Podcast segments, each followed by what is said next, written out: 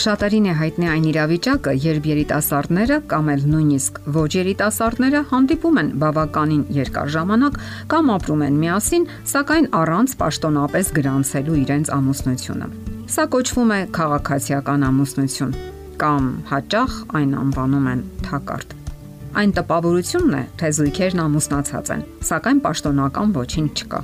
Շատերն այսպես են արտահայտվում Իսկ արդյոք մեր սերն ապացուցելու համար հարկավոր է անznագրում կնիք ունենալ։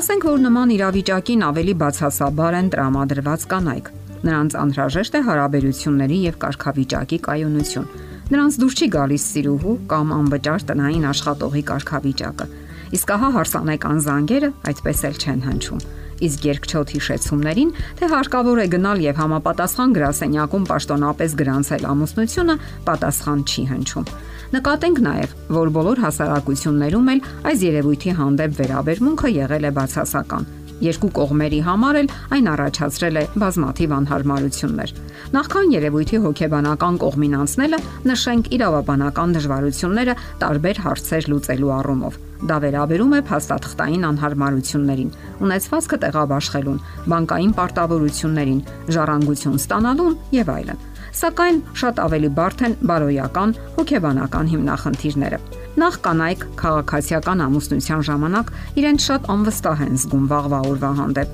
իսկ հարազատներն ու ծանոթները, եթե գիտեն այդ մասին, նրանց լուրջ չեն ընդունում չէ որ նրանք ցանկացած պահի կարող են հեռանալ իրարից, որովհետև ճունեն որևէ պատասխանատվություն կամ պարտավորություն այն անznավորության հանդեպ, ով որևէ փաստաթղթային ձևով կապ չունի նրա հետ։ Իսկ եթե համատեղ կյանքի ընթացքում երեխաներ են ունեցել, ապա վիճակն ավելի է բարթանում։ Ամենից առաջ նկատենք, որ երեխաները շատ բան են զգում ու հասկանում նրանց անհրաժեշտ է ամենից առաջ ապահովություն եւ հուսալիության երաշխիք։ Նրանց անհրաժեշտ են հուսալի եւ կայուն ծնողներ, ովքեր ամեն վարքյան չեն պատրաստվում հեռանալ միմյանցից։ Ընդ որում, վտանգներից մեկն էլ այն է, որ երեխաները նույնպես կարող են բնականon ընդունել այդ երևույթը։ Վիճակագրությունը փաստում է, որ տղամարդկանց 90%-ը իր զուգընկերոջը չի դիտում որպես ամուսին իսկ դեպքերի 50%-ում այդպես էլ չեն հնչում հարսանեկան զանգերը։ Իսկ եթե քաղաքացիական ամուսնությունը երկարաձգվում է 3 տարուց ավել, ապա հնարավորությունները, որ այն երբևէ կարող է պաշտոնական տեսք ստանալ, հավասարվում է համարյա 0-ի։ Դե ինչ, հարգելի աղջիկներ, ձեզ բավարարում է այս հերանեկարը, երբ թեթևորեն գնում եք ազատ հարաբերությունների եւ զիջում տղաների կմահաճույքներին Մինչ դուք մտածում եք, որ ձեր սիրով կարող եք հպատակեցնել եւ կարգի հravirել նրանց, իրականում հայտնվում եք խոցելի վիճակում, որովհետեւ նրանք ձեզ որպես իրենց պոտենցիալ կին այլևս չեն դիտարկում։ Միայն իրենց հայտնի պատճառներով դուք չեք համապատասխանում կանացի իրենց իդեալներին եւ ձեզ հետ պարզապես ժամանակ են անցկасնում, ինչեւ որ հորիզոնում կհայտնվի իրենց երազանքների տիրուհին, ով գերազանցում է ձեզ ըստ իր պատկերացումների եւ ում հետ նա պատրաստ է ամուսնական ուխտ կնքել։ Իսկ ինչպես պետք է վարվեն աղջիկները։ Ամենից առաջ, ինչպես ասում են, բանը դրան չպետք է հասներ։ Իսկ եթե արդեն հասել է,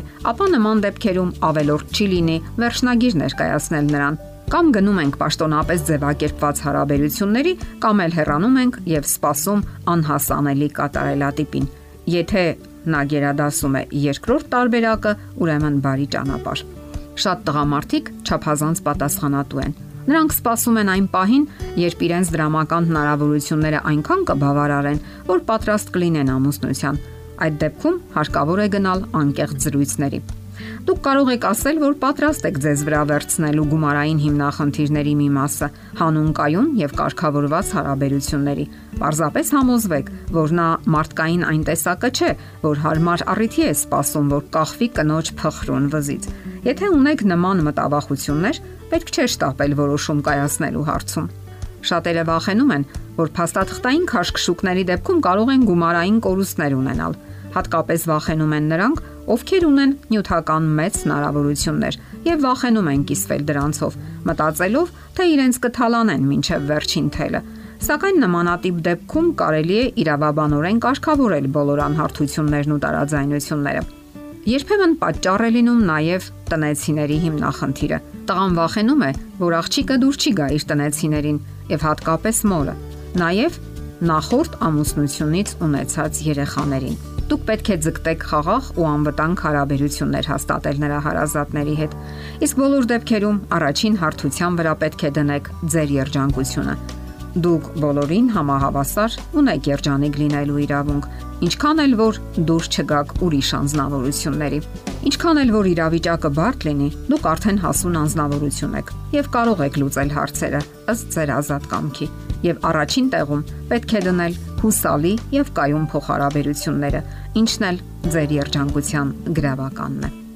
Եթերում է ճանապար երկուսով հաղորդաշարը։ Ձեզ հետ է Գեղեցիկ Մարտիրոսյանը։ Հարցերի եւ առաջարկությունների դեպքում զանգահարեք 094 08 2093 հեռախոսահամարով։ Հետևեք մեզ hopmedia.am հասցեով։